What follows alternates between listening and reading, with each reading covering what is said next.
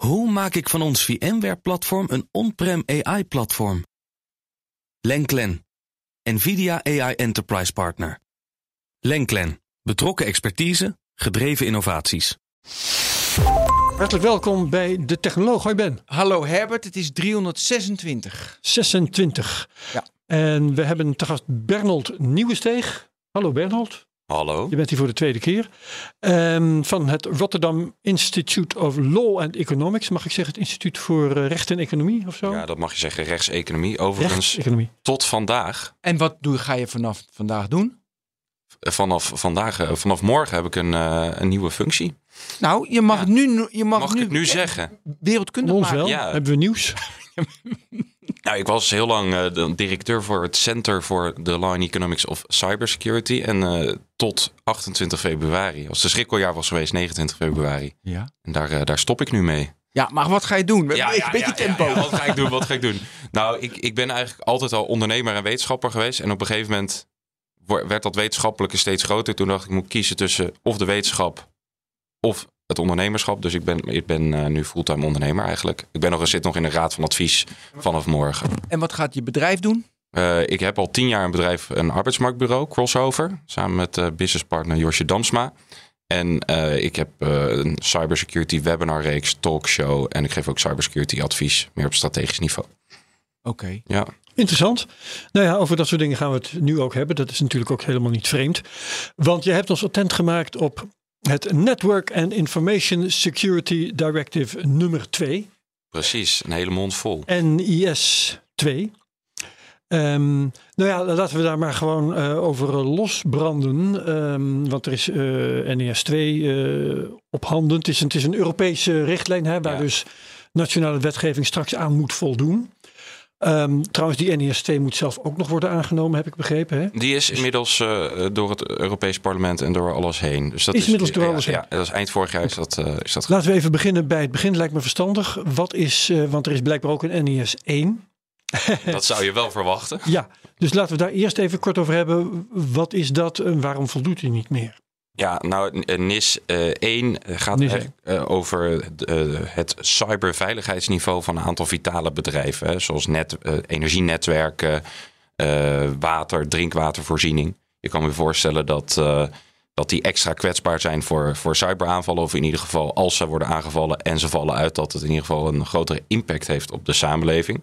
En toen heeft de Europese wetgever gezegd van nou jongens, laten we een regelgeving maken zodat we dat cyberveiligheidsniveau van die bedrijven gaan opkrikken. Of in ieder geval daar wettelijke vereisten voor gaan stellen. Dus er is een bepaalde cyberstandaard ontwikkeld. Of in ieder geval bepaalde eisen in de wet. En ze moeten bijvoorbeeld ook melden als ze worden aangevallen. Nou denk ik dan altijd van ja, als een, als een eh, netwerkbedrijf wordt aangevallen, een energienetwerkbedrijf, dan merk je het vanzelf, want dan heb je geen energie meer. Ja, maar, je goed, merkt, ze moeten dan merk ook je nog liever melden. niet. Nee, je- je- maar goed, dus ze moeten het dus ook melden en je merkt Ja, het liever ja, niet. En, en, en daar wil je dus eh adequaat beveiligingsniveau voor, voor hebben. En daardoor, is- daarvoor is die NIS 1. Maar dat is eigenlijk een beperkte set bedrijven. Mhm. Eigenlijk vooral de nutssectoren. En is dat ook de reden waarom je niet meer voldeed? Dat je eigenlijk een ruimere set bedrijven wilt Ja, hebben? want zo'n wet dat duurt natuurlijk jaren voordat dat is gemaakt. Die was volgens mij uit mijn hoofd door 2006 eh, is die ingevoerd of 2008 volgens mij. Tegelijkertijd met de Algemene Vordering Gegevensbescherming. Mhm. Ehm, nou, zo'n wet wordt dan in 2004, 2005 een beetje eh, gemaakt. Eh, dan moet het nog door alle rondes heen. Nou, kan je je voorstellen, in 2004, 2005 zag het cyberlandschap er wel even iets anders uit dan nu met de oorlog in Oekraïne. De echte ransomware gangs die enorme verdienmodellen hebben. Dus toen werd er gezegd van nou ja, laten we een nieuwe wet maken, NIS 2. Maar het is dus meer, het zijn ook andere eisen of zijn het alleen maar meer industrieën? Het is eigenlijk twee, twee kanten op is het uitgebreid. Dus er zijn heel veel meer bedrijven bij. Daar komen we zo nog over te spreken. Ja.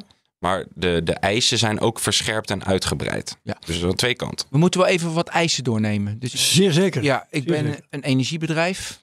Ja. En het zijn gestandardiseerde eisen. Waar moet ik aan voldoen? Ja, nou die eisen die zijn, ik zeg wel heel makkelijk nu gestandardiseerd. Maar het is eigenlijk een, een lijstje waar je minimaal aan moet voldoen. Dat staat in artikel 21 van, eh, van, de, van de richtlijn. Die dus nog ook nog, dat moet ik wel heel eerlijk zeggen. Want ik werd er op Twitter op gewezen dat, eh, dat, eh, dat mijn opiniestuk, het Financieel Dagblad, ook wel uitgelegd kon worden dat de wet er al is. Maar dat bedoel ik de richtlijn. Hè. En die richtlijn wordt nog omgezet in nationale wetgeving.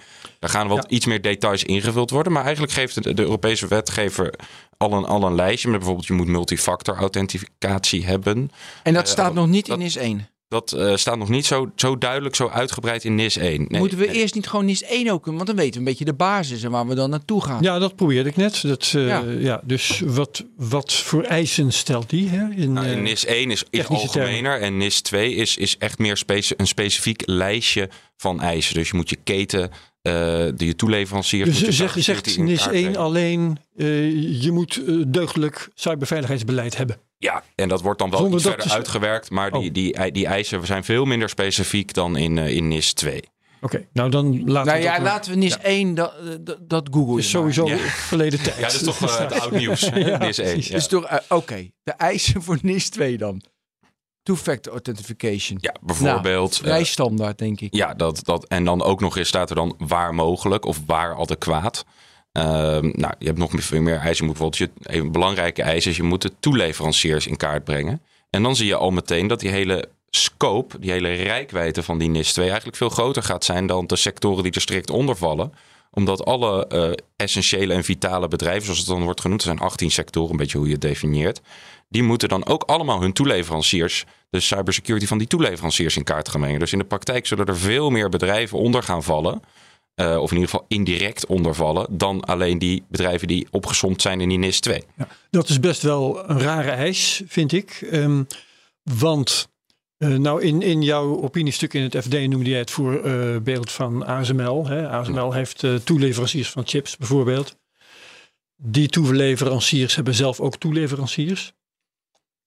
Voor Joost nog weten wat. Maar ehm, dan moet ASML de hele keten in kaart brengen. Maar een verdieping lager moeten ze ook weer de hele keten onder hun in kaart brengen. Doe je dan niet ontzettend veel werk dubbel? Nou, ehm, technisch gezien zegt NIS 2 dat je alleen je directe toeleveranciers in kaart hoeft te brengen. Dus je hoeft maar één stapje eh, verder te gaan. Ja. Eh, maar waar je, wat, het, wat een risico is, is dat er een, een waterbed-effect gaat ontstaan. Eh, waardoor die toeleveranciers zeggen: Oké, wij gaan nu ook onze toeleveranciers in kaart brengen. Want als je bijvoorbeeld. eh, als je bijvoorbeeld de cybersecurity van je toeleveranciers wil weten als ASML, je wil je correct, hand, eh, correct handelen volgens de NIS 2. Nou, dan ga je misschien wel vragen van toeleverancier, heb jij je toeleverancier goed in kaart gebracht? Zeker, ja. Die gaat dat dan ook weer vragen. En dat, zou, dat is op zich niet heel slecht, hè, dat die, die informatieuitwisseling op gang komt. Want grote bedrijven moeten ook kleine bedrijven helpen. Die weten het vaak beter, is de gedachte. Maar als ehm, die op allerlei verschillende manieren ga, dat in kaart gaan brengen. Want het is niet simpel vragen van... hey, hoe doe jij het met cybersecurity? Gezellig een gesprek Ja, wat zoals is wij nou in kaart brengen? Ja, Daar in kaart al brengen. Ja, dat- een minuut mee. Ja, nou, in kaart brengen is dus... In de praktijk komt dat neer op ellenlange formulieren sturen... die je dan allemaal moet invullen... wat je allemaal doet volgens verschillende soorten normen. Maar Wat schrijft, staat er op die formulieren? Die voor... Ja. Ja, Ja, dat precies. is ook belangrijk hoor, wat erop Ja. staat. Ja. daar ben ik het helemaal mee eens. Ja, precies. Ja, nou, dat, dat, eh, dat verschilt dus per formulier. Maar daar kan dus bijvoorbeeld die twee-factor authenticatie op staan. Het kan zijn- staan, heb je voldoende awareness trainingen? Wat voor awareness trainingen heb je? Maar, Maar neem even het voorbeeld van awareness trainingen. Daar zijn natuurlijk talloze van. Hoe ga je dat... eh, en, en er zijn natuurlijk heel veel manieren om te vragen of je goede awareness trainingen hebt. Nou, één zo'n toeleverancier van ASML, die is misschien ook wel toeleverancier van Ahold. Die ook onder die NIS 2 valt. Ahold gaat dat weer op een andere manier vragen. En zo ga je als toeleverancier misschien wel vijf, zes, zeven, acht verschillende formulieren moeten, moeten invullen. Ja. Over alle, en alleen maar dat voorbeeld awareness training. Hè. Dat was misschien een van de honderd vragen. Maar ik heb, ik heb hier meteen al een hele hoop vragen over. Om te beginnen, staat dat dan in die NIS 2 zodanig gespecificeerd dat je precies weet wat voor formulieren je moet... Nee. Of moet dat nog in de eerste plaats in de nationale wetgeving geformuleerd worden? Nou, het zou kunnen dat de wetgever daar een stap in gaat maken. Dat weten we nu nog niet, want die wetgeving is nu eh, in, ehm, ja, in de maak eigenlijk. Je Ja. moet 21 maanden na de, eh, eh, de Europese richtlijn moet die in werking treden. En er Dus kunnen per land bepaalde 2024. verschillen in, in Ja. ontstaan. Zeker als die NIS 2 niet precies voorschrijft wat de eisen zijn. Precies. Dus daar ga je eh, in ieder geval tussen landen al verschillen zien ontstaan. En wat het nog extra complex maakt, is nou, verschillende factoren. Dat toeleveranciers uit verschillende landen... eh, Toeleveranciers komen ook nog uit verschillende landen. Ja, het wordt alleen maar fuzzier hoor. Toeleveranciers Ja, ja. komen uit verschillende landen. Eh, er zijn hele hoge boetes. Dus dat betekent dat bedrijven, ik spreek nu met bedrijven in bestuurskamers die, die, die, die, ja, die, die flippen eigenlijk een beetje door deze, ja, door deze nieuwe wet. Want die denken van ja, er komen potentiële hele hoge boetes. Zelfs bestuurders kunnen geschorst worden. Nou, dat vinden bestuurders niet leuk. Nee, wat zijn de boetes trouwens? Eh, percentage nou, van de de- omzet? 7%. Twee- 2% van de omzet, eh 20 miljoen. Maar ook die bestuurders schorsen, dat doet echt in de bestuurskamers eh, pijn. En op zich is dat goed dat het wat meer chefzag wordt hoor, cybersecurity. Maar wat er in de praktijk zal gebeuren is dat bestuurders naar externe adviseurs zullen gaan. Die op zich geen slecht werk doen, maar die allemaal hun eigen raamwerken en, en ideeën hebben. Kijk naar de AVG. Iedereen ging elkaar verschillende verwerkingsovereenkomsten toesturen. Die allemaal weer een beetje eh, verschilden. Hè, daar zat natuurlijk ook wel een rode lijn in. Ja. Ja, er Ehm, zat ook wel een rode... Op een gegeven moment waren dat... op een gegeven moment wel, maar laten we daar dan van leren, zou ik zeggen. Want op, nu wordt, begint dat wat, wat gestandardiseerd te worden. En nu komt het. Je hebt, niet, je hebt, straks, je hebt dus straks de nationale wetgever, die gaat het, in, eh, die gaat het wat uitkristalliseren, hoop ik, door dit pleidooi. Ik hoop eh, dat de nationale Door jouw wetgever... pleidooi, Ja, dat, jij. tuurlijk, tuurlijk. maar door, door het pleidooi wat er wel meer... Nou ja, dit is geluid, zie je niet zo heel, hoor je niet zo heel veel van. Jongens, laten we nou hiervan leren om dit ook op een simpele manier uit te rollen. Want heel vaak wordt er niet uit de- aan de uitvoering gedacht van wetten. Hè? Ja. Ehm, en dat is wel het lastige. En het punt daarbij is, je zou op een gegeven moment een scheidsrechter moeten hebben die eh, zegt van oké, nu voldoe je aan de wet. Dat heet dan de toezichthouder. Ja. Hè? Die zou natuurlijk ook heel erg kunnen helpen om duidelijkheid te verschaffen, om licht in het duister te verschaffen bij deze nieuwe wet, die voor heel veel bedrijven nieuw gaat zijn. Eh, om te voorkomen dat bedrijven voor de zekerheid eh, vreselijk ingewikkeld maken. Ja, elkaar enorme formulieren toesturen. en er is ja, natuurlijk beperkte Ja. capaciteit om dingen met cybersecurity te doen. En als je al die tijd besteedt aan ellenlange formulieren invullen, dan kan je het niet besteden aan het tegenhouden van hackers. Maar nu komt het. Er is niet één toezichthouder, maar er komen waarschijnlijk wel meerdere, misschien wel vier toezichthouders. En dan krijg je, omdat elke sector krijgt zijn eigen toezichthouder. En dan krijg je een beetje een situatie als dat je in een Mhm. samengesteld gezin zit met, met, met, eh, met twee vaders en twee moeders. Die eigenlijk allemaal eh, iets anders roepen wat je wel en niet mag. Ja. En, en, en, en, en als Elke Tuurlijk, als- sector. Er, Ja. waren, er waren 18 sectoren, ja, geloof ik. sommige hè? sectoren vallen dan onder één toezichthouder. Bijvoorbeeld de bankaire sector heeft weer zijn eigen toezichthouder. En daarvan is gezegd, nou laat het dan bij die toezichthouder zitten. Voor deze specifieke cyberwet. Oké. Nou ja. Ehm, Maar mag ik, ik heb gewoon heel veel vragen. ik ook. Ja, weet je, Ja, let's nou, go. maar ook, weet je, we gaan ook echt bijvoorbeeld die NIS 2. Je hebt nu een awareness training als, als eis genoemd. Je hebt nu genoemd two-factor authentication. Ik kan me Hmm. voorstellen hoe mensen backups maken. Ik kan me voorstellen hoe ze, hoe dat ze, dat ze dus het netwerk, eh, dat ze dat goed splitsen. Eh, ik kan me voorstellen, nou ja, weet je, allemaal, wat staat, wat voor eisen zijn er nu allemaal? Ik pak het lijstje er even bij. want Ja, is dat vind ik wel eh, even handig dat we gewoon een lei- dat het gewoon even helder is. En mijn volgende vraag, terwijl, terwijl jij dat zoekt, is van oké, die toezichthouder, denk ik, joh, er heeft toch iedere sector een eigen toezichthouder. Wat voor ramp en drama is dat? mhm. Nou, Ja, weet je wel. Nou, dat, ik zou je vertellen waar dat misschien een, een ramp eh, of een drama wordt. Maar dat gaat Bernold dan ver- verder eh, eh, vertellen of dat echt zo is. Als jij een leverancier bent eh, van, nou, nou, ja, zei het eigenlijk zelf, zowel Albert Heijn als ASML. Mhm. Wat je dan moet leveren, weet ik niet precies. Maar ja, het kan software zijn, weet ik veel. Dan val je in verschillende sectoren. En dan heb je een hele hoop gezeur. Ja. Meer. Oké, ben je er inmiddels?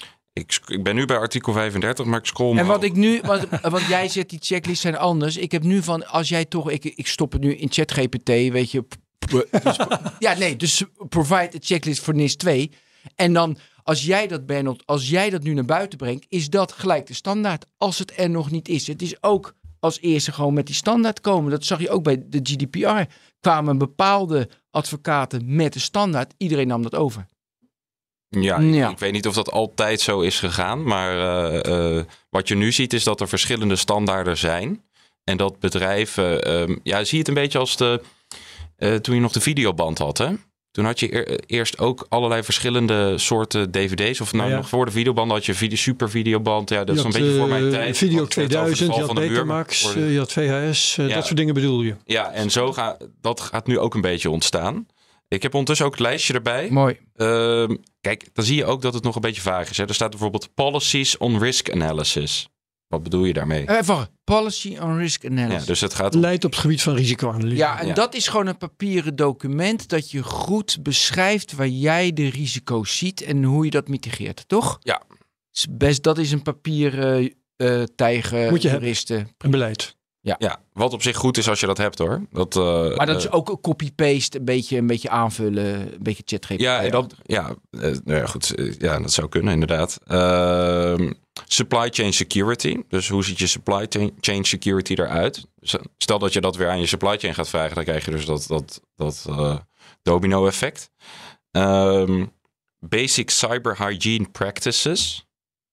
Maar Basic Ja, cyber dus basishygiëne of, cybersecurity. Ja. Wat is dat? Is dat een virusscanner op je pc's hebben staan of iets dergelijks? Ja, het kan bijvoorbeeld zijn dat medewerkers automatisch hun laptop lokken als ze weglopen eh, Oké, naar de wc. dat is eh, een goed punt. iets- iets- Ja. Ja, maar dat is Ja. wel multi-interpretabel, ja. Dus die is... Nou ja, dat, precies, dat is het nou net. Hier staan dingen waar je aandacht aan moet besteden. Maar er staat niet precies wat je moet doen. Nee, dat is het, dat is het lastige. Ja. Ehm, en ik En snap kan ook wel... al dan niet nog in die nationale wetgeving komen te ja, staan. en liever niet eigenlijk. oh, Want toch. eh, het, het, het punt hierbij is dat als je dat heel specifiek gaat... Ik snap ook wel dat, de, dat het, is- het is al best concreet. En ik snap dat de, de wetgever het niet concreter Hoe heeft concreter gemaakt. je het maakt, hoe technologie specifieker het wordt. Exact, maar ook hoe sneller het weer veroudert. Dat is precies hetzelfde. Ja, dat is ja. wat ik bedoel. Ja. Ja, precies. Ja. Eh, en ten tijde van NIS 1 bijvoorbeeld... hadden we nog helemaal geen ransomware om iets te noemen. Dus Ja. hele, hele noodzaak voor backups was misschien minder prominent. Nou, backups wel- waren ook wel nodig, maar om een andere reden. Ja, precies. Maar was altijd al wel verstandig. Maar eh, zal waarschijnlijk hoger op de prioriteitenlijst zijn gekomen sinds de ransomware-epidemie. Ja. Ehm, en daardoor is er denk ik ook een rol voor de toezichthouder om een, eh, om een, een, een, een dynamische standaard te, te stimuleren. Eigenlijk een soort APK eh, die wel verandert. Want een APK van nu, dat past best wel goed op een auto uit de Ja. jaren 70 natuurlijk. In Nederland zouden we dan zeggen dat stoppen we in een algemene maatregel van bestuur. Ja, Of zoiets. ja of, of eh, ja, precies. Zo- zo- Zo'n soort, zo'n soort, zo'n soort rol. En niet in de wet. Ja. Ja, en dan moet je eigenlijk een, een clubje bij elkaar krijgen van experts die die dynamische standaard gaan bepalen en die die ook elk jaar gaan updaten. Dat zit nu eigenlijk nog niet zo goed in Ja. de standaarden die nu en de formulieren die elkaar nu Maar liefst wel op. Europees niveau. Nou ja, en dat is dus ook het rare. Ik snap ook niet goed waarom die wetgeving dan weer nationaal wordt ingekleurd. Als je dat eigenlijk op Europees niveau wil, Omdat, wil nou, doen. omdat het nou eenmaal de Europese procedure is. Maar je kan hè. ook een verordening doen. Die is meteen geldig voor iedereen. Ja, Zoals de algemene ja, gegevensbescherming. ja, ja, dat hoef je niet meer ja, nationaal te doen. Dat is waar. Dat is, eh, nou ja, goed. Dat, Maar- daar zijn allemaal beweegredenen voor geweest. Ja, Ja. misschien wel aardig. Ik had het dus in ChatGPT gestopt en dan zegt hij de- heel flauw: define your goals, ensure, weet je, ensure comp, eh, weet je, compatibility, identify potential security risk. Allemaal flauw, ja? Dus allemaal zo een hele lijst. Toen stopte ik het in Bing Chat en toen vroeg hij eh, in welke, welke, in welke sector werk je? Ik zei energy, want daar hadden we het over. Toen was je al, eh, dus dan zijn er specifieke measurements. Dus, dus conduct is ook weer flauw, regular risk assessment en audits. Maar dan gaat hij ook, ik weet niet wat dat is, cooperate with the authorities and CSIRT's in case of, eh, dat zijn compliance, security, Ja, computer security Ja, ja, die- ja. incident response teams. ja, eh, cross-border. is- Dus ik vond hem al specifieker. Dus volgens Ja. mij, als jij nu daar nu een lijstje van maakt en je bent net voor jezelf begonnen. Gaat het beter? ja, je kan, je kan gelijk je boer op. Je Ja. gekocht. Ja. Ja. Hey, maar die, eh, eh, of had je dat al beantwoord? De, die toezichthouder, die toezichthouders, wie zijn dat? Wie- Met, in alle industrieën, dat vertelde je? Nou, het is het- bijvoorbeeld het eh, agentschap Telecom. Dat heet nu Oh. de DPI. Ja. Eh, maar bijvoorbeeld ook de, de toezichthouder voor de banken. En die worden, dat, wordt ook, dat wordt ook nu uitgekristalliseerd hè, in die nationale wet. Dus ik loop een beetje erop vooruit. Maar ik heb met wat toezichthouders gesproken. Die zeggen ja, dat worden waarschijnlijk dus die toezichthouders die nu al toezicht, toezicht houden op die sectoren. En die doen dan cyber erbij. Ik zou liever zien dat je cyber. Ja, hoe, hoe verschillend is het als je een bank bent versus een, een, net, een, een, een, een energiebedrijf? Wat je doet op het gebied van cybersecurity. Er zal, er zal natuurlijk wel iets verschil in zitten. Maar zo'n groot verschil is dat ook niet. Ik zou zeggen, Nee. veeg dat hele toezicht bij elkaar. Ransomware buiten de deur houden, Ja. dat is voor iedereen hetzelfde. Ja, en de basic cyber hygiene zal ook hetzelfde zijn. Eh, dus die toezichthouders moeten op zijn minst de koppen bij elkaar steken. Maar toen met de AVG, toen werd er de autoriteit persoonsgegevens in het leven geroepen. Apart, toch? Dat ja, was- nou die was er dan al, maar die maar kreeg die taak. Ja, die kreeg die taak. Dat heb je dus nu, wordt het belegd bij Ja, wordt ook belegd bij mensen die al die taak hebben. en Ja, dan moeten ze, maar wel verschillend. Dus ja, ja, ja, verschillen. ja, het is misschien dat centraliseren is misschien wel handiger als toezichthouder. Ja, weet je, wij zijn gewoon in Nederland. Dat zie je natuurlijk met Groningen. Dat zie je met de toeslagenaffaire. Nou wil ik dat niet hiermee gaan vergelijken hoor. Want eh, dit gaat over bedrijven onderling. Dus die kunnen wel tegen een stootje. Eh, maar wij zijn gewoon niet zo goed in nadenken over de uitvoering bij wetten. En daar, daar waarschuw ik nu voor. Alles wat we nu de komende anderhalf jaar kunnen doen, kunnen doen om die uitvoering wat te vergemakkelijken. Ik Ja. zeg niet dat het 100% Het allemaal is nog efficiënt te gaat laat. dat, dat is winst. Want het, het, het, het, er zit ook een risico aan, aan al die tijd verdoen met die willekeurige formulieren naar elkaar sturen. Want, want er is een enorm tekort aan cyber-experts. En elke minuut dat die cyber-experts aan die formulieren moeten zitten klooien, kunnen ze niet besteden aan hackers buiten de deur houden, trainingen geven, et cetera. En er is een enorm tekort. Dus je gaat het tekort alleen maar groter maken door heel veel ja, soort netwerk te creëren. Wat je, wat je Ja. nu een beetje voor kan zijn. Dat is eigenlijk mijn, Ja. mijn, mijn pleidooi. Ja, en je noemt daarin in, in jouw stuk in het FD, en dat trouwens ook op jouw site staat, hè, dus eh, dat betreft is het gewoon jouw stuk. Noem jij als voorbeeld de auto-industrie, die daar een eh, slimme oplossing voor heeft bedacht? Ja, ja je hebt ehm, eh, in, in eh, ja, Duitsland natuurlijk een grote auto-industrie hè, met BMW, eh, Volkswagen, Mercedes.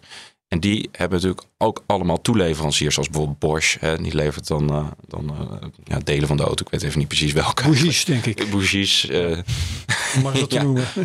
maar Bougie is echt een ouderwets ding. Misschien Ik dacht gelijk aan EV's. misschien ook. Delers, ja. Ja. Nou, het wordt een soort autoshow. Ja.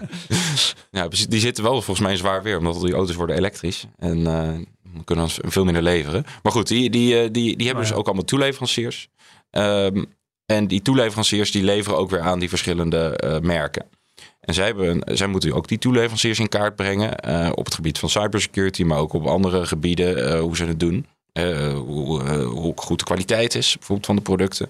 Ze hebben één standaard ontwikkeld. En het belangrijke daarbij is, is dat ze zeggen van nou, als Volkswagen een groen vinkje geeft bij Bosch, dan mag Bosch ook automatisch naar BMW om eh, zaken te doen. Hoe Gaat BMW niet nog eens een keer allemaal formulieren sturen? En dat zou natuurlijk ook kunnen introduceren. En daar zou een toezichthouder ook in, een rol in kunnen spelen. Dat je, dat je zegt van nou, als je één keer een groen vinkje hebt gekregen van ASML, dan Ja. kan je ook naar Ahold. En dat, dat, dat zou natuurlijk heel veel werk schelen. Nou, eh, ik, ik zeg gelijk overnemen die handel. Hoe ziet dat eruit, dat formulier? Ja, dat is Is natuurlijk een het formulier wat niet alleen over cyber gaat, maar ook over, het is, eh, over de kwaliteit van de Het onderdelen. gaat niet om het formulier, maar om Maar de constructie. Om de constructie, dat je, elkaar dus eh, eh, vertrouwt in dat AS als ASML. Eigenlijk op een metaniveau, als ASML iets goed vindt, dat jij het dan denkt: oké, ik geloof het wel, ik ga het niet Ja, nog een keer. Maar moet, moet de industrie dat wel doen? Hè? Want in feite heb je het over het, het instellen van een standaard. Ja, een flexibele standaard, dat dan wel. eh, die in de tijd kan veranderen. Ja. Maar waarom zou die standaard heel erg verschillen per bedrijfstak? Daar hadden we het net ook, eigenlijk ook al over. Hè? Jij zegt zelf ook al, die, die cyberhygiëne die is overal hetzelfde. Ransomware buiten de deur houden is overal hetzelfde. Eh, hackers die in jouw netwerk gaan rondkijken en daar de Ja. vrije hand krijgen, dat is overal hetzelfde. Dus dat wil je allemaal overal op dezelfde manier voorkomen. Met andere woorden, moet eh, een flexibele standaard niet gewoon eh, door de overheid worden ingesteld, zodat het ook niet per sector, hè, niet elke sector zich daar weer apart over hoeft te buigen. Nou, ik ben blij dat ik nog, nog één dag echt officieel dan, dan wetenschapper ben. Want hier kan ik de wetenschappelijke theorie erbij halen. Kijk, nou, Ik Zo. tromgeroffel even. mag je Ja. straks ook als je ondernemer bent. hoor. Ja, ja, ja. ja. Overigens niet ben ik uit. dat ook al, eh, al langer. Maar goed, dat Ja. maakt verder niet uit. Oh ja. Ehm, hier, je moet eigenlijk die, die kennis delen, want het gaat heel erg over eh, die, die, die standaard up-to-date houden en, en de kennis tussen ASML en die toeleveranciers delen over. Hè, want dat zit er ook heel erg in. Dat je, dat, je, dat je dus ook tips en tricks kan geven aan die toeleveranciers. Dat wil je doen tussen de partijen die het, het, het makkelijkst toegang hebben tot die kennis. Ja, maar we hebben het nu niet over cybersecurity, hè? We hebben het nu toch over algemene kennis. En dat wil jij ook op cybersecurity hebben. Ja, ik, ik heb het nog over cyber security. Dus, Dus, maar wacht nu. Oké, helemaal de weg kwijt. Die BMW en Volkswagen naar Bosch. Ja, Was dat een document over cybersecurity of Daar- een algemeen dat is, al, dat is algemeen toeleveranciers in kaart. Precies, algemeen toeleveranciers. Ja. Jij zegt dat format moeten we ook bij cybersecurity doen. Ja, precies. Daar hebben we het nu over. Precies. Heeft ASML al met zijn toeleverancier een cybersecurity Ja, ASML is daarmee bezig. is mee bezig? Ja, En die willen dat dus in kaart brengen. Ook met een soort goud, zilver, brons. Hè, want natuurlijk Platinum erbij. eh, Platinum pla- erbij. platinum voor, voor het belangrijkste. En wat je kan je voorstellen als, als het niet helemaal in hun machine komt. Het, het is meer bijvoorbeeld een toeleverancier voor de broodjes, eh, voor de catering. Dan hoef je niet eh, het bedrijf helemaal netwerken zijn ondersteboven te zien. Je wilt ook geen virus in de broodjes, maar dat is het. Nee, dat is waar, dat is waar. Dan krijg je weer eh, de NVWA op je dak. Ehm, maar ja, je wil dat, dat de partij die eigenlijk het snelst toegang kan krijgen tot die kennis, dat die die kennis gaat delen. En dan moet je afvragen, is dat ASML of is dat de Nederlandse overheid richting zijn toeleveranciers? Ja. Ehm, dat maakt natuurlijk ook meteen complex, omdat je... eh, ja, het- elk voorbeeld met cyber gaat natuurlijk een beetje mank. Je kan zeggen APK, maar APK, alle auto's zijn ongeveer hetzelfde. Maar die, eh, ja, een toeleverancier van Ahold is toch, wel echt, heeft, is toch wel echt anders dan een toeleverancier van ASML die in één grote machine gaat. Ahold is gewoon kaas in de schappen. Ja. En, en als we hadden bijvoorbeeld de kaashek. Ja, het maakt geleden verschil of het je product. ICT is of, eh, of je product is Ja, dus daar zitten verschillen tussen. Maar Ja. desalniettemin kan je daar wel eh, in, in, in, in, in- in- het simpeler maken. Maar ik zeg niet dat het zo simpel gaat worden als een APK. Hey, eh, ik heb wat eh, ervaring in ISO en eh, weet je, Ja. moet ik het daar met, met 27001, moet ik het daarmee vergelijken? Dat is voor software bijvoorbeeld, dat je er allemaal regels voor doet en dan ben je ISO 27001 software top, mooi. Ja. Maar ja, dat is ook een papieren tijger en iedereen werkt, ja, werkt eigenlijk wel zo en dan moet je dan vinkjes halen, dan komen ze kijken en dan zeggen ze ja, keurig en dan is het goed. Ja. Ja, ja, we moet, ja je, dat is vaak een standaard van waar die formulieren dan weer zijn afgeleid. Eh, maar je moet heel erg oppassen dat je niet een cultuur krijgt van eh, don't think, just think. Ja, Eh, en, of just think, don't think. Dat, dat, daar moet je voor oppassen. En ehm, daar wil je eigenlijk ook een... Het mooiste is als je in plaats van al die formulieren het gesprek aangaat met je toeleveranciers. Van oké, maar wat weet ik? Wat weet jij? Waar kunnen we elkaar helpen? Want dan ga je echt cybersecurity verbeteren. In plaats van dat je als een soort van... ja, een soort... eh, Ja. een strenge scheidsrechter, strenge schooljuffrouw alleen maar zegt van... Vlucht eh, in formalisme. van eh, dit moet ge- geregeld worden. En het probleem is, door die hoge boetes, door dat bestuurders schorsen, zie je ook bij de AVG, wordt het heel erg formalistisch. Bedrijven gaan alles juridisch dichttimmeren. Daar zijn ze nu al mee bezig. En dan gooi je het kind met badwater weg. Want er zit heel veel potentie in zo'n wet. Als je het gesprek aangaat, als je kennis deelt, groot helpt klein, dat is allemaal goed. ASML heeft heel veel kennis, kan ze allemaal met de toeleveranciers delen. ASML zou niet zo heel bang worden van deze wet. Maar heel veel bedrijven, want die hebben gewoon, veel, die hebben gewoon zoveel kennis. Die hebben zoveel geld. ja, om hier en zijn al zo met Eh, security bezig. Zo'n eigen core belang. punt hebben we deze week, vorige week ook al was weer bekend dat daar een, eh, een, een, een, een, een mede- medewerker ge- geheim had gestolen. Dus daar zitten ze Ja. zo bovenop. Maar er zijn natuurlijk alle gemeenten in Nederland vallen ook straks onder de NIS 2. Die moeten dit allemaal gaan uitzoeken. En, Dat eh, wordt een puinhoop. en ja, ja, ja, ja. Nee, precies. Dus je moet. Ja, ik zou in ieder geval ook de toezichthouder willen, willen, willen vragen om niet te, te veel te gaan hameren op die hoge boetes. En ook eh, leveranciers te veel gaan hameren van jongens, dicht, timmer het maar juridisch dicht, want dan heb je geen boete. Nee, het moet zijn. Eh, ga met je slim, op een slimme manier je, het gesprek aan met je toeleverancier. Want dan Ja. heb je geen cyberaanval. Nou, maar, maar, maar ik vind wel dat je nou heel erg een, een eh, te mooie wereld schetst. Oké. Want je, ja, ja. kijk, eh, je wilt wel dat op een of andere manier vastgelegd kan worden eh, wat er is gedaan. En dat op een of andere manier ergens vastgesteld kan worden dat aan de, dat aan de wet is voldaan. Ja. En eh, dat kun je niet doen door te zeggen, ja, we hebben een paar goede gesprekken gevoerd en eh, we zijn als vrienden uit elkaar gegaan of iets Ja. dergelijks. Nee, precies. Dat is Dat, niet wil je ook voldoende. niet. Dat wil je ook niet. En die Eh, boetes, oké, hè, draconische boetes, ik weet het niet. ehm, de- wat, wat gebeurde laatst ook weer? Toen kreeg ook, geloof ik, Coinbase kreeg een boete van, eh, van dat is uit de cryptowereld. Hè? Coinbase kreeg een boete van 3 miljoen, geloof ik. Ja, dat omdat ze op de Nederlandse markt bezig waren geweest zonder een registratie bij de Nederlandse bank. Ja, dan lachen ze om. Ja. Dan wordt er weer geroepen om draconische boetes. Ja. Dus eh, wat wil je nou? What's it gonna be? Ja, ja, ja, ja, ja. Nou, kijk, je wil natuurlijk ergens je zaken vastleggen. En het mooiste zou zijn als je in het proces van dat vastleggen al meteen ook dingen leert, nieuwe kennis opdoet. Ja. Eh, dus ik, ik sprak laatst eh, ehm, een, een, een, eh, een, een, medewerker van de gemeente Buren. Even zijstapje hoor. De gemeente Buren was vorig jaar slachtoffer van, van een cyberaanval, van een ransomware aanval. Mhm. Weet u misschien nog wel, die zijn er heel open over geweest. Ja. En ja, zij moest. Ik weet niet of het ergens verplichting was, maar het is natuurlijk logisch dat je dan je burgers informeert dat, je, dat, je, dat de identiteitsbewijzen zijn, uh, zijn gestolen. Nou, dat was natuurlijk gewoon een verplichting om dat te melden aan de burgers. AVG. Dus hebben, uh, ja, oh ja, dat was die wet AVG. oh ja. um, maar zij hebben, zij hebben uh, eigenlijk meteen van de nood een deugd gemaakt en, en, en, en uitgelegd wat die cyberaanval betekende, maar ook wat, wat basishygiëne tips gegeven aan die burgers. Dus ja, je, je, je hebt nu een, een, een, een, een je identiteitsbewijs is gelekt, maar zo kan je zelf je eigen cybersecurity verbeteren. Omdat het nu toch van uh, dan, dan onder was een topic was. op dat moment. En zo zou je er ook over na moeten denken dat als je die formulieren invult, dat je zegt van oké, heb je het niet, dan is bijvoorbeeld hier een mogelijkheid om een training te volgen om het wel te krijgen. Uh, dat, je, dat je er ook wat van leert. En, um, uh, Hoe waren ze binnengekomen in Buren? Uh, volgens mij was het tegen een toeleverancier. Ja, dat, is dat is wel heel erg toepasselijk. ja, ja, precies. Ja, ze hadden zelf natuurlijk de boel ook nog niet helemaal uh, scherp uh, op orde. Dus de monitoring was, was nog in de aanbesteding. En de monitoring service staat ook allemaal online. Kun je allemaal vinden, de rapporten daarover. Dus ze konden, die toeleverancier die had volgens mij de, de twee-factor niet aangezet. Dus eigenlijk alle termen komen hier nog even voorbij. Ja. Daardoor kon die binnenkomen.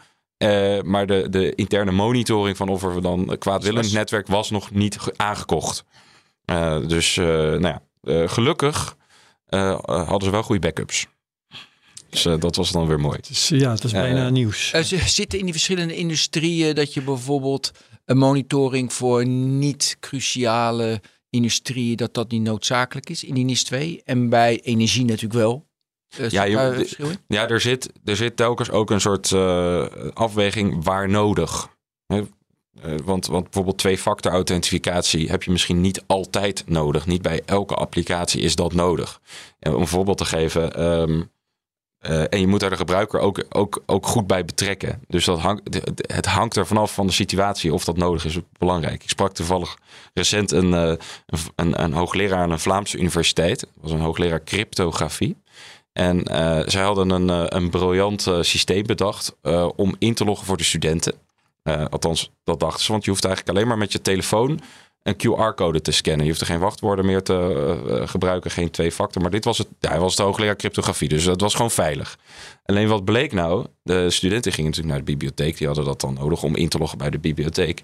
Alleen studenten die nemen tegenwoordig hun telefoon niet meer mee naar de bibliotheek, omdat ze anders te veel afgeleid worden door TikTok en Instagram.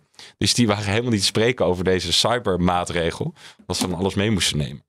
Nou, ja. uh, het hangt er dus vanaf wat nou werkt in welke situatie. En, en, en dat is ook het lastige bij die, bij, die, bij die wetgeving. Dat zal voor een energiebedrijf anders zijn dan voor een, uh, een, een, een, een Ahold. Ja.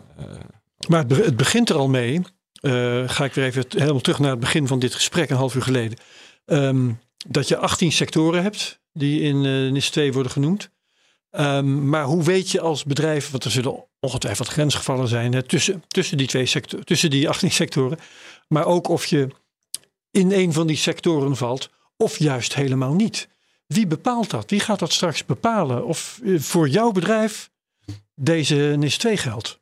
Ja, dus een goede vraag. En er is al een, een, een bijlage bij de NIS 2 waar wat duidelijkheid in staat. Uh, over welke sectoren eronder vallen. Dus vooral voor de sectoren waar er maar een paar bedrijven van zijn. Bijvoorbeeld uh, drinkwaterbedrijven. Nou, dat zijn er elf uit mijn hoofd. Die vallen er allemaal onder. Dus dat is makkelijk. Maar dat is dus heel duidelijk of je een drinkwaterbedrijf ja. bent, ja of nee. Maar bijvoorbeeld, uh, er was discussie over managed service provider. Nou ja, dat. Wat dat dan precies is. En je hebt ook een bepaalde ja. minimumgrootte. Ik geloof uh, 50 uh, werknemers. Uh, vanaf 50 ga je eronder vallen. Maar je ziet dus ook door, die, door die, dat vereist om die toeleveranciers in kaart te brengen, dat er stiekem heel veel andere bedrijven ook bijgetrokken worden.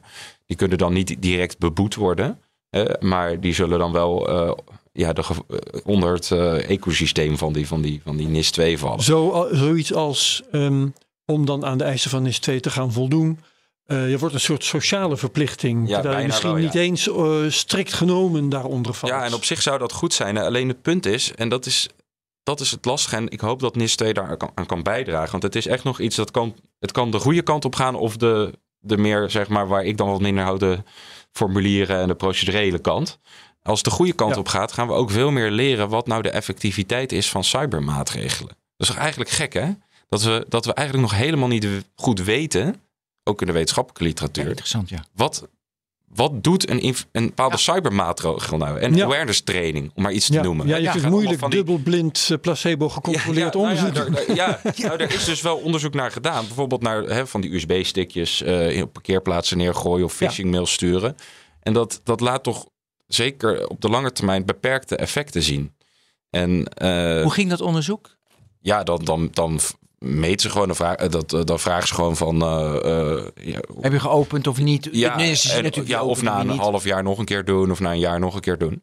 Oh, En- om dan te zien of mensen dus, daar weerbaar Ja, voor die zijn. geleerd hebben, ja. Ja, ja, ja, En dat eh, het varieert een beetje hoe wetenschappelijk correct dat allemaal is. Hè? Want je moet dat ook goed kunnen meten. Je moet eigenlijk AB testen. De, precies. je, ja, je hebt daar striktere varianten en minder strikte. Ik ben meer van de, ook van de school van ja, je moet roeien met de riemen die je hebt. Je moet toch vooruit gaan hè, de, eh, in, de, in, je, in je kennis.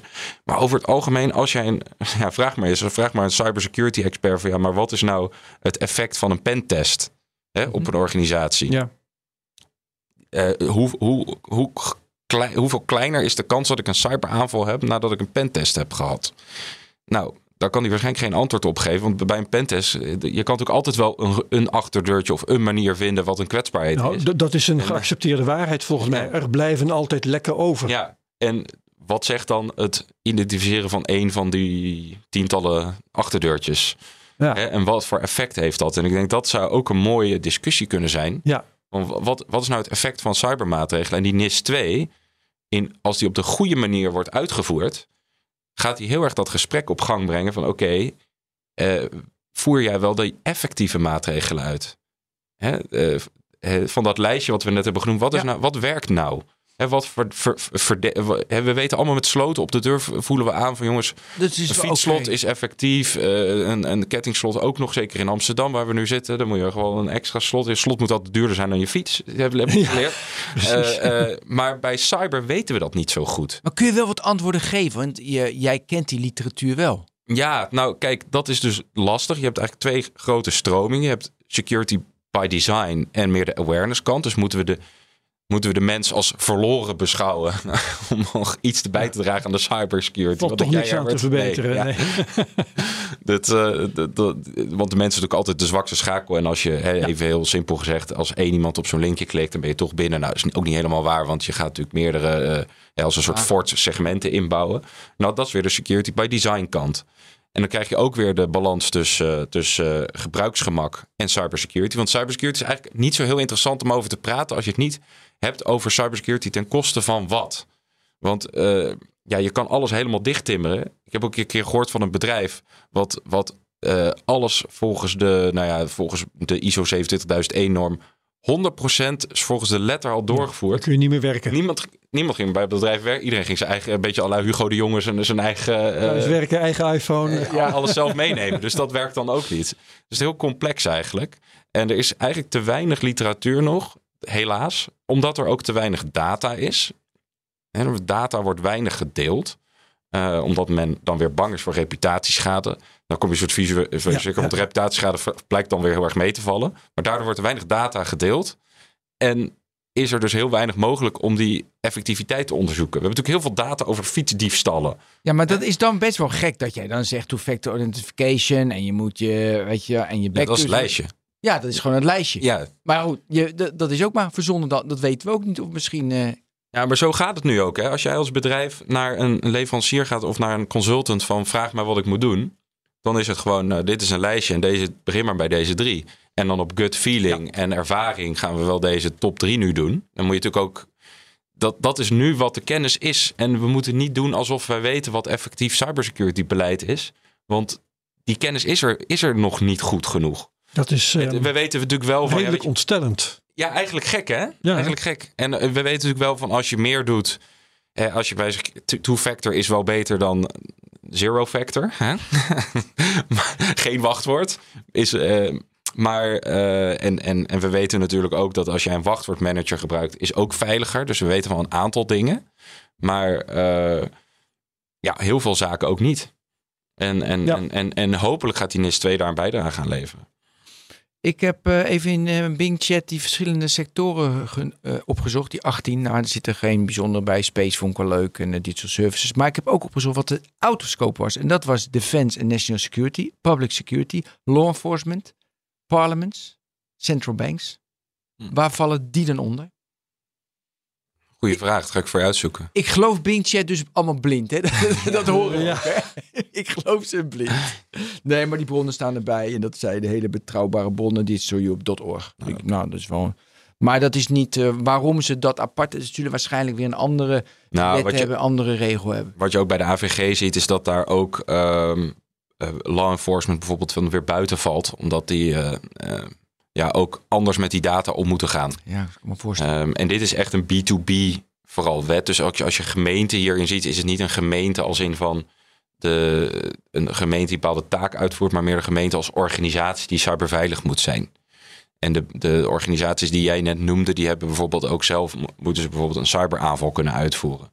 Als je het hebt over de defensie, defensie bijvoorbeeld. Ja. Dus die zitten dan, net, die hebben net ook eh, ja, op cybergebied eigen taken en verantwoordelijkheden. En dan wordt dan meestal apart gezet in aparte wetgeving. Ja, maar als ik nu Veerman Transport ben, gewoon transport bij Veerman, een bedrijf. Ik heb eh, vijf vrachtwagens. Wat moet ik dan nu doen? Ik denk NIS 2 komt eraan. 2025 zag ik net. 24. 24. Wat moet ik nu doen?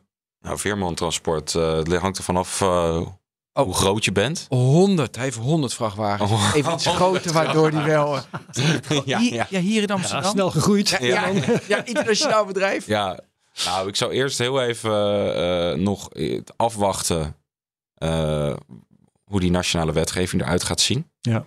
Ehm, en vervolgens, ja, dan moet je ermee aan, aan de slag. En ik hoop dat er dan eh, hu- hulp komt vanuit eh, de toezichthouder. Hoe je dat als ja, een bedrijf van 100 man kan gaan doen. Want dan heb je natuurlijk niet een aparte cyberafdeling om dat te doen. Nee. En ik ga, het, ik ga het nog iets ingewikkelder maken. Want eh, stel, Veerman Transport is niet zo snel gegroeid. En zijn toch nog steeds vijf vrachtwagens. en zitten qua werknemers onder de grens. Heel slecht met Veerman. Maar ze zijn wel toeleverancier van ASML. Eh, maar goed, ze, het enige wat ze doen is daar dozen op de stoep zetten. Ja, Hè, dan is er dus geen enkel vorm van cybercontact. Maakt dat nog uit? Nou, het zou kunnen dat zij een systeem gebruiken dat ASML natuurlijk ook gebruikt. Hè? Bijvoorbeeld eh, voor het, eh, ja, het zien of die dozen daar dan wel zijn. Dat systeem Ja. zou potentieel gekoppeld Ja. kunnen zijn Ja, aan je het stuurt elkaar natuurlijk ook altijd e-mails en dat soort Ja. dingen. Dus eh, dat is niet echt, Dus, niet echt eh, realistisch wat ik nou zeg. Ja, tenzij ze inderdaad echt gewoon alleen maar per brief communiceren. En, eh, Daar gaan we niet zou- van uit. Ja, dat, zou, dat zou kunnen. Maar ehm, ja, dan zou je dus, eh, dus door ASML ook door die, die testen. Dan hoop ik voor je dat je niet goud bent, maar brons. Ja. Dat, je, het- dat het iets makkelijker voor jou is. Maar zo zou je Ja. ook. En hopelijk leer je daar dan wat van. En dat is Ja, wel, als ik met ASML spreek. Je zegt het is voor je eigen bestwil. ja, je leert er ook wat van. eh, en, en ja, misschien eh, dat je. Kijk, je zou het ook kunnen koppelen weer aan cyberverzekeringen. Dat zou natuurlijk ook mooi zijn. En- Hmm. en voor zo'n zo'n klein bedrijf, als zij getroffen worden door een ransomware aanval, ehm, ja, wil je daar liever voor verzekerd zijn? Zo'n Ja. cyberverzekering kan je ook sneller helpen. Eh, dus als nou die eisen die gesteld worden ook een soort ingangseisen zijn voor een cyberverzekeraar. De cyberverzekeraar is eigenlijk een beetje met dezelfde dingen bezig hè, op dit moment. Er vallen ook weer weer mooie dingen aan elkaar te koppelen. Want als jij een cyberverzekering wil afsluiten met een bedrijf van 50 man, dan moet je ook een formulier gaan invullen. Nou, laten we die formulieren nou hetzelfde maken. Of, ze, of ook daar weer een soort van, met een duur woord, interoperabiliteit creëren. Dus je, dat het een geldig is voor het ander. Dan kan je automatisch ook een cyberverzekering krijgen als je dus door die check bent. En dan kan je, ben je ook automatisch door die check verhaald als, eh, als vervoerder. Ja. Nou, dan ga, je, dan ga je stappen maken. Want dan gaat, gaat zo iemand ook makkelijker een cyberverzekering afsluiten. Voor die cyberverzekering gaat hij weer data genereren. Want als hij dan iets heeft, een hack, gaat hij dat melden bij die verzekeraar. Want hij wil natuurlijk daar eh, een claim indienen. Nou, die verzekeraar die gaat dan weer terugkoppelen van oké, zo kan je het weer beter doen. Nou, dan krijg je echt een, een, een in plaats van die formulieren krijg je kennisuitwisseling. Ja, ehm, snap ik. En dus ook het, het, het onderdeel voor je bestwil, dat snap ik ook. Toch, ehm, al was het maar voor, eh, voor, eh, de, voor de sake of argument, hoe noem je dat? Eh, als, als formele zaak. Wanneer ben je nou duidelijk niet verplicht om je hieraan te houden? Ja, voldoende kleine bedrijven heb je al gezegd. Ja, als consument Maar bijvoorbeeld. als consument. Maar er zijn 18 sectoren opgesomd. En Ja. ik zei al van ja, dat, er zijn ongetwijfeld grensgevallen. Noem nou eens een bedrijf of een, een, een soort bedrijf dat heel erg niet in die, in die Ja. 18 sectoren valt. Wat, Nou, waar, moet ik aan denken? grappig. Het lijkt een beetje op de coronadiscussie. Hè, van dan hadden we natuurlijk de vitale beroepen. Ja. Grofweg zijn die 18 sectoren de, de vitale beroepen in de, in de coronatijd. Dus als jij toen Oh ja. niet naar buiten mocht, dan eh, val je er min of meer niet onder. Dus eh, dan moet je denken aan digital marketingbureaus of zo. Of, eh, Mhm. Ja, digital services, search digital- engines, online markets en social networks staan er wel bij. Ja, die wel. Maar bijvoorbeeld een bureau wat eh, eh, ja, je brand eh, ver- verzorgt Ja. of zoiets. eh, Brand Experience Company. ja, zoiets. Dat, dat valt er dan niet onder. Ehm, behalve als zij dan weer dat doen voor ASML. Ja, dat wordt weer lastig, hè? Ja. Ja, ja, ja, ja. ja. Nee, Nou, oké. die, maar niet die, strikt onder, maar dan zit je wel weer in die toeleveranciers. die inktvlekwerking die wordt op die manier wel duidelijk ja, inderdaad. ja, maar Ja. Dus, dus, weet je, er zijn nog steeds ook wel veel bedrijven er, eh, er niet onder vallen. Maar dit, het, het lijkt me wel weer een, eh, dit voor juristen een zaakje, een papieren tijger. Ik, pff, ja, Nou, juristen smullen hier natuurlijk van, want dit is natuurlijk eh, eh, Ja. een, een, een daar is het er ook fijn voor. ja, eh, heerlijk. Ja, ik ben zelf ook eh, jurist. althans, ik Maar uiteindelijk- Ja. Worden die kosten weer doorberekend aan de consument, waardoor Ja, het een beetje- de hele samenleving nadeel heeft. Het is een beetje net als die witwas. Dat is wel een extreem voorbeeld, maar ik denk die, die- witwasregelgeving bij banken. Hè, dat, dat- dat moet, ik moet nu toevallig voor mijn VVE eh, ook een, een enorm formulier invullen. De, de, de bank wil dan alle leden van de VVE weten en precies wat, eh, wat ze, ja, ze doen. Wat, wat ze doen, et En cetera. hoe ze aan hun geld komen. en hoe ze aan hun geld komen. Misschien zit in jouw appartementencomplex van een paar criminelen. Ja, ik rook laatst een gek. Nee hoor. Dat, eh, nee, en en ondertussen is wel de, de, zijn de bankkosten een tientje gestegen bij volgens mij ook zakelijke rekening. Eh, door die, door die witwas eh, onderzoeken. Dus uiteindelijk komt dat allemaal weer terug. Ehm, Ja. ja. Maar Eh, goed, het dient ook wel een goed doel hoor. Dus het is niet dat ik hier soort van alleen maar zeg, ja, formulieren is onzin. Je moet het alleen op een slimme manier doen. En, nou, en ik zou best wel. van de nood een deugd maken. En ik zou dat onderzoek wel leuk vinden. We gaan hem implementeren 2024 en dan kijken naar zes jaar. Ja, Wat gebeurt er nu? ja in 2030 dus. eh, eigenlijk. Ja, weet je, wat is er nu gebeurd dankzij die regel? En, want je ziet alleen maar de kosten van cybercrime toenemen. Nou ja, we nemen allemaal maatregelen, maatregelen, maatregelen. Maar het neemt alleen maar toe. Dus ja, ja je- nou kijk naar datalekken. Dat zie je nu ook. Is er nu straks vijf jaar AVG, hè, Algemene Vordering Gegevensbescherming. Het aantal datalekken neemt ook toe. Dat is een beetje flauw natuurlijk, want eh, we doen ook steeds, veel meer, steeds meer met data. Maar het is niet dat dat nu opeens eh, een eno- enorme trendbreuk is sinds de, de, die verordening er is. welke maatregel hebben we de laatste tien jaar genomen die echt geholpen heeft? Nou ja, weinig dus. Weinig eh, effectieve maatregelen. Ik denk wel dat als je, als je het hebt over cyberaanvallen, dat backups wel heel veel helpen. Dat eh, bij die gemeen, gemeente Buren waar we het net over hadden, Ja. die hoefden dus geen losgeld te betalen omdat ze een backup hadden. Eh, Ja, maar wacht even. ook. Ik vind altijd met die backup, maar dan Ja. heeft die crimineel heeft die data. Ja, en die kan die nog steeds verkopen eh, op het dark web. Ja. En dan zijn die persoonsgegevens ook nog in openbaarheid. vaak ook. Ja. Ja, Ja, moet- daarom. Dus Ja. wat win je dan met een backup? Nou ja, dan kan je in ieder geval doordraaien en heeft in ieder geval de crimineel geen, geen, geen geld ervoor gekregen. Ja, maar ik kan het wel verkopen op het dark web. Dat kan Mijn persoonsgegevens. Ja, ja, ja. Dus ja, dan zou je het weer een combinatie met versleuteling. Dus dan zou je het eigenlijk Ja. versleut- moeten versleutelen natuurlijk. En dat, dat eh, Ook weer eh, cyberhygiëne. dat moet ook dan in NIS komen. Eigenlijk wel, ja. En volgens mij Nou ja. staan er ook wel dingen over in, hoor. Omdat, omdat Oké, want dat wou ik vragen, omdat eh, het meeste wat ik hoor over wat die NIS dan voorschrijft, NIS 2, ehm, dat is dat bedrijven eh, hun cyberveiligheid in kaart moeten brengen en ook die van hun leveranciers en Mhm. zo. Ehm, en ik vroeg me dus af, waarom schrijft zo'n wet niet voor in plaats van dat bedrijven zich daarmee bezig moeten houden? Hè? eh, en, en dat blijft dan noodzakelijkerwijs vaag. Waarom schrijft die wet niet gewoon voor eh, waar de veiligheid uit moet bestaan? Hè, dat bedrijven die en die veiligheidsmaatregelen moeten nemen, dan hoeven ze ook niks meer in kaart te brengen. Ja, ja nou dan, dan kom je op het punt dat zo'n wet eh, traag is. En dat het proces is van een jaar of vijf voor zo'n Omdat het dan technologie specifiek wordt. Ja, dan wordt het dus ook weer Ja. specifiek. Overigens staat er wel ook in nummertje G bij... eh, of nee, wacht even. Nee, H. voor mij is het haar, ja. 21 eh, H, 21 2H voor de juristen. Ehm, staat ook eh, dat, je, dat je naar cryptografie moet kijken. Oké, dus wel iets concreets, dat, zo hier en daar. Ja, ja. Ja, ja, dat is ook een, een inkoppertje. Wat dat betreft. Ja. Ehm, is het, is het eh, mogelijk om. ehm, eh, hoe- kijk, hoe, hoe vraag ik het? Eh, nou, eerst maar eens gewoon de, de vraag die ik heb. Dan kijk ik daarna wel wat, wat die wet ermee zou moeten doen. Eh, insiders met verkeerde intenties, dat is waar ASML last van Ja. heeft gehad. Ja. Ehm, is daar eigenlijk op de manier van, nou ja, ik breng mijn security situatie en wat ik doe en wat met de toeleveranciers breng in kaart. Is daar iets aan te doen? Want ehm, ja, Mooie social, ja. Als, als de CEO op een gegeven moment eh, een klap van de molen krijgt en eh, gegevens aan China begint te verkopen, ik noem maar wat. Eh, ik zou niet weten hoe je dat, dat- kunt dichttimmeren. Top. Je hebt nog een eh, CEO van een groot Nederlands bedrijf, toch? Wat ook eh, wat rare sprongetjes maakt. eh. Nou ja, goed, Met- maar al is het een onderknuppel op de salarisafdeling. Oh, ja. nou, dat kan ook inderdaad. Nou, Oh, je bedoelt Van Houten met zijn bonus? nee, ik bedoel uh, Bij Sanderik. Centric, Sandrik. Oh, Sanderink, ja. Ga door, want ja. dit is, dit is een hele, hele interessante vraag. Ja, Hoe ehm, voorkom je dat? Daar valt natuurlijk ook niet één antwoord op te geven. Geef me drie antwoorden. Geef drie antwoorden. nou, Tijd je moet natuurlijk, je moet het uiteindelijk ehm, niet iedereen toegang geven tot alles. Dus het hangt er ook af met het compartiment. Het hangt natuurlijk heel erg samen met het compartimentaliseren van je bedrijf. Alleen mensen Voor- mogen alleen zien wat ze nodig hebben dat ze zien. Ja, ja. alleen ja, dat, hangt er ook. Dat moet je heel erg balanceren met, Even goed, eh, blijven er dan zwakke met, punten, je, hè? Want, met je gebruiksgemak. Hè? Want ja, als ja. jij.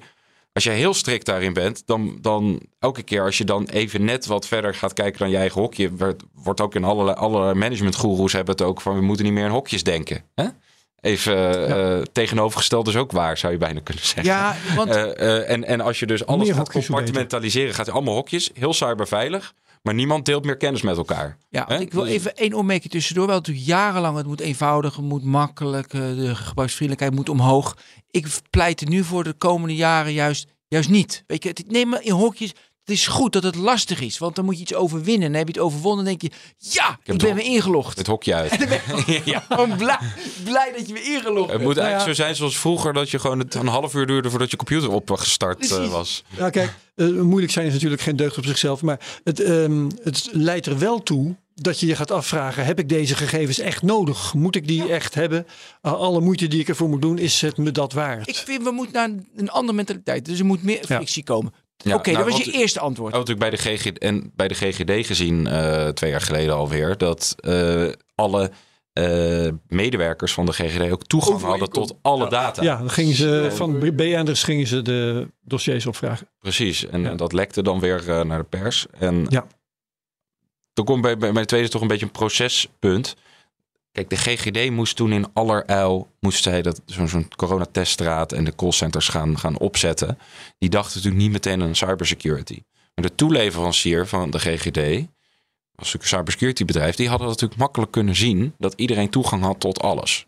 En eh, uiteindelijk kreeg de GGD de maatschappelijke schuld van, van dat lek. Terwijl de toeleverancier had dat misschien best wel goed kunnen zien van jongens, alle poorten staan open voor iedereen. Ja. Dan vind ik ook dat zo'n eh, in de verhouding met je toeleverancier je ook die kennisuitwisseling moet hebben. Hè? Dan kan je al netjes in formulieren alles hebben afgedekt. Maar als zo'n toeleverancier jou niet eventjes op de schouder stikt van hey, eh, bij jou staat alles open, misschien kan iedereen eh, toegang hebben tot alles. Dan, dan werkt het alsnog niet. Hè? Dus dat komt ook weer terug op van. Je kan alles met formulieren regelen, maar uiteindelijk moet je het gesprek met elkaar aangaan en moet je ook ja, elkaar tips willen geven over je cybersecurity. En dus ook Ja. met, met die insider threat. Hè? Eh, dat kan dus bijvoorbeeld ook zijn dat, eh, eh, dat een bedrijf eh, een, een probleem heeft gehad met iemand. Eh, ik weet niet hoe dat allemaal is in de privacywetgeving. Ehm, die gaat vervolgens bij een ander bedrijf werken. En dat je eh, ziet van, oké, diegene die laat een spoor van vernieling achter. Dat je daar ook iets, iets over deelt. Hè? Dat je als, Ja. ik noem maar even wat. Ja. Een soort vergoed gedrag, wat ook... Ja, Ja, of- Precies, en, en, en- maar dan cyber. gedrag, ja, maar, maar dan, dan voor cy- cyber, ja. ja, mooi. Er ehm, komen nu eh, als gevolg van eh, NIS 2 boetes te staan. Ja, waarop eigenlijk? Wanneer heeft een bedrijf een- zo'n boete verdiend? Nou, dat, dat, dat, eh, dat kan dus gaan over dat, niet die, die zorgplicht, hè, dat adequate niveau, waar we dat, die 21, eh, lid 21. met Krijg je, maar krijg je visitaties of zo die dat moeten gaan vaststellen? In principe wel, ja. Je, eh, somm- bij sommige bedrijven die echt vitaal zijn, is dat, is dat continu. En an- bij andere bedrijven is meer achteraf als ze een cyberincident hebben gehad. Ehm, maar er komt dan iemand langs die dan de, de, de cybersecurity gaat controleren. Je kan bijvoorbeeld ook een boete krijgen als je niet meldt. Dus als je een incident niet meldt, ehm, dan kan je ook een boete krijgen. Ehm, En dat hangt er dus, dus in de praktijk is dat heel spannend. Wanneer ga je een boete krijgen of niet? We hebben we bij de AVG gezien dat dat heel erg lang duurde voordat het eerste bedrijf een boete kreeg. Omdat het natuurlijk eh, ja, ook straks heel lastig gaat worden. Eh, als je kijkt naar de AVG, dan ja, volgens mij als je die, die wet strikt interpreteert, is geen enkele gem- gemeente bijvoorbeeld AVG-proof. Zeker Nee, denk ik begindagen niet. Dus dan is het een beetje gek als de autoriteit persoonsgegevens één bedrijf een boete gaat opleggen van 20 miljoen. Terwijl eigenlijk elke overheidsorganisatie het ook niet goed voor elkaar heeft. En dat is ook het risico hierbij. Omdat het een beetje vaag is, kan je zeggen: oké, ja, je had dan misschien geen tweetraps authenticatie voor het systeem om intern broodjes te bestellen. Ehm, was dat nou nodig? Boete wel of niet? Hè? En, dan, Ja, ja. en dan zeg je ja, maar gemeente, eh, de gemeente Driebergen had dat ook niet gedaan. Maar ehm, je noemde net ook meldplicht. Stel, er vindt een hek plaats en je meldt die netjes. Ehm, is een hek eigenlijk automatisch... Ja, de tijd is bijna om. Nog vijf minuutjes. Ehm, is een hek automatisch... Betekent die automatisch dat je veiligheid niet op orde was? Dat je dus niet aan NIS 2 hebt voldaan? Eh, gelukkig niet. Nee, Oké. Dat, heb je eh, pech. Het kan ook pe- eh, botte pech zijn. Ja, en dat is een beetje net als de griep. Hè. Iedereen kan het, kan het krijgen. Alleen je kan wel natuurlijk gezonder zijn. eh, en die griep beter eh, eh, overleven. Eh, of je bijvoorbeeld laten vaccineren. eh, Hmm, eh, hè. Dus zelfs de, ja, de, de meest gerenommeer- gerenommeerde cybersecurity bedrijven, zoals, zoals bijvoorbeeld Fox IT, heeft zelf ook een keer een, een hack gehad. Zijn niet helemaal binnengedrongen in het bedrijf, maar die zijn, zijn er heel open over geweest. En ehm, eh, dan zie je ook dat, eh, dat niemand eh, zo'n bedrijf iets kwalijk neemt. Want iedereen in de sector weet, iedereen kan het gebeuren. Alleen het gaat er wel om van ja, hoe, hoe groot is de impact als het gebeurt.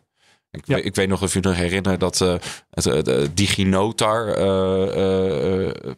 de DigiNotar lek, Schandaal, ja. schandaal, kunnen we wel zeggen. Nou, dat Ja. was een bedrijf wat echt ongeveer alles eh, verkeerd deed wat er verkeerd kon zijn. En tegelijkertijd essentiële eh, eh, cyberdiensten leverde voor de overheid. Dus dat, dan, dan gaat het natuurlijk niet zo goed als je gehackt bent. Die zullen, zouden onder NIS 2 denk ik wel een boete hebben Ja, gekregen. die was niet meer nodig, want ze Ja. gingen failliet. Nee, precies. Ja, ja, ja. En we hebben ook nog de, tijdens mijn research de Cyber, Cyber Resilience Act. Ja. Hoe verhoudt dat zich weer met NIS 2? Ja, er zijn verschillende cyberwetten uit Europa die komen. De Europese wetgever die, eh, die is eigenlijk vol op het orgel aan het gaan op het gebied van, van cyberwetten. Eh, wat denk ik ook goed is, want ja, dit moet je niet nationaal regelen met al, eh, die formulieren en, de- en de cyberveiligheidsniveau. Dat is niet anders in België dan in Nederland. Maar die Resilience Act die gaat echt over producten voor consumenten met name. Dus moet je denken aan slimme speakers, slimme babyphones, slimme koelkasten. Dat die, eh, dat die Dat ook ze niet admin admin zijn. hebben. Niet als wachtwoord. Nee, Als en wachtwoord. welkom 2024. Oké. Dat ze dat niet hebben. Eh, dus dat, dat gaat daar vooral over. Echt over consumenten. Waarbij NIS 2 echt een, een, een business-to-business wet is. Die ook nog eens geldt voor bepaalde type eh, business. Ja, wat zou jij nu, want je zegt we, we missen, je- dus je pleit voor concrete handvatten, uniforme standaarden en duidelijkheid. Oké, laten we daar, wat zou jij nu adviseren, nu doen? Nou, eh, allereerst. Als ik de toezichthouder was, dan zou ik allereerst eh, eens even met die andere toezichthouders een kopje koffie gaan drinken. En dan Wie is de toezichthouder? Dat is toch nog helemaal niet vastgesteld? Ja, dat, dat is nog niet vastgesteld, maar dat is een soort van semi-vast. Ja, dat is een beetje. dit- Potentiële toezichthouders Potentiële- gaat allemaal koffie mee drinken. ja, nou, dat is bijvoorbeeld de agentschap Telecom. Die hebben nu een nieuwe naam. Eh, de, de, de toezichthouder op de, de bankaire sector. En dan komen nog één of twee, eh, één of twee bij. Nou, die moeten natuurlijk met elkaar eh, gewoon samen gaan werken. En eigenlijk gewoon één toko gaan oprichten. Ja, prima dat het vier verschillende toezichthouders zijn. Maar die moeten gewoon in één gebouw gaan zitten. Of in ieder geval gewoon in één... die zouden dan wel een gedeelde omgeving moeten hebben. Ja. En vervolgens eh, zouden die eigenlijk in kaart moeten brengen. Oké, maar welke formulieren en standaarden zijn er? Er zijn heel veel private partijen die nu ook zeg maar de standaard willen. Want als jij straks de standaard Tuurlijk, bent, dan geniaal natuurlijk. Nee. Hè, dus eh, je zou eigenlijk in kaart moeten brengen van welke private partijen zijn er nu allemaal aan de gang met standaarden en ISO-normen. En, eh, en bijvoorbeeld ASML is met een CIRA-project bezig. Dat is C-Y-R-A. Nee, Met dat goud, zilver, brons. Open, open, open Dat is open. Ja. Er zijn ook bedrijven die dat meer gesloten in de Grote omgeving zetten. Eh, en die het echt als businessmodel. eh, ASML is natuurlijk geen business om dat te doen. Eh, geen businessmodel. Dat zou je allemaal in kaart moeten brengen. En vervolgens zou je moeten kijken, oké, maar welke gaan wij nou steunen? Eh, en Ja. interoperabel maken. En heel belangrijk, hoe gaan we dynamisch houden? Dus hoe gaan we zorgen dat elke jaar zo'n standaard ook weer up, geüpdate wordt? ehm, eh, naar de, de, de actuele stand van zaken. En wie gaat dit initiatief vinden? Nou, de toezichthouder die zou dit Ja, die gewoon gaat moeten funden. Ja, Dat, Dat- dat moet van hun budget af. ja, ja, want dit zijn gewoon publieke eh, Er is kosten die je kan budget voor krijgen, veronderstel ik wel, of niet? Ja, dat, dat, eh, maar het kost ook niet zo heel veel. Hè? Want je hoeft eigenlijk Nee, alleen maar te kijken wat gebeurt er in de, in de markt. En wat ondersteunen we. En ook het aan elkaar knopen van... Hè, als je bijvoorbeeld zegt, nou, als je met die partij het hebt gedaan... dan is het ook oké voor die partij. En dit Eh, lijkt en me dat heel, is niet in het belang van die partijen. Want die willen liever natuurlijk Nee. hun eigen standaard Maar hebben. dit lijkt me heel logisch, vanzelfsprekend. Wat is hier Ik dan wil niet zeggen dat het gebeurt, hè? Nee, precies. Dus wat, ja, maar waarom dan niet? Want Nou, ja, dat is... Wij, wij zijn in Nederland... Dat is wel...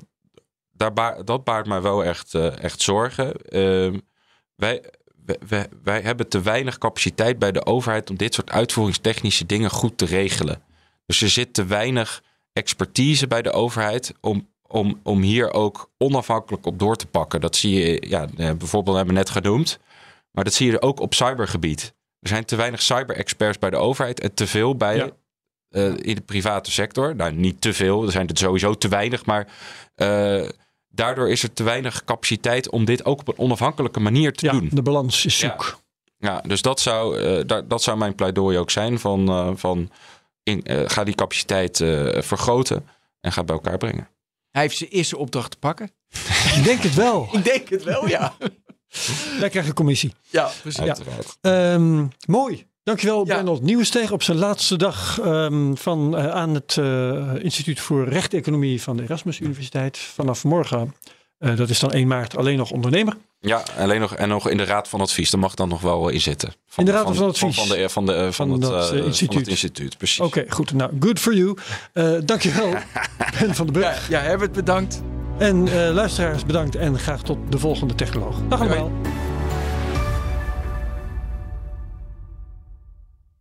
Hoe maak ik van ons VMware-platform een on-prem AI-platform? Lenklen, NVIDIA AI Enterprise Partner. Lenklen, betrokken expertise, gedreven innovaties.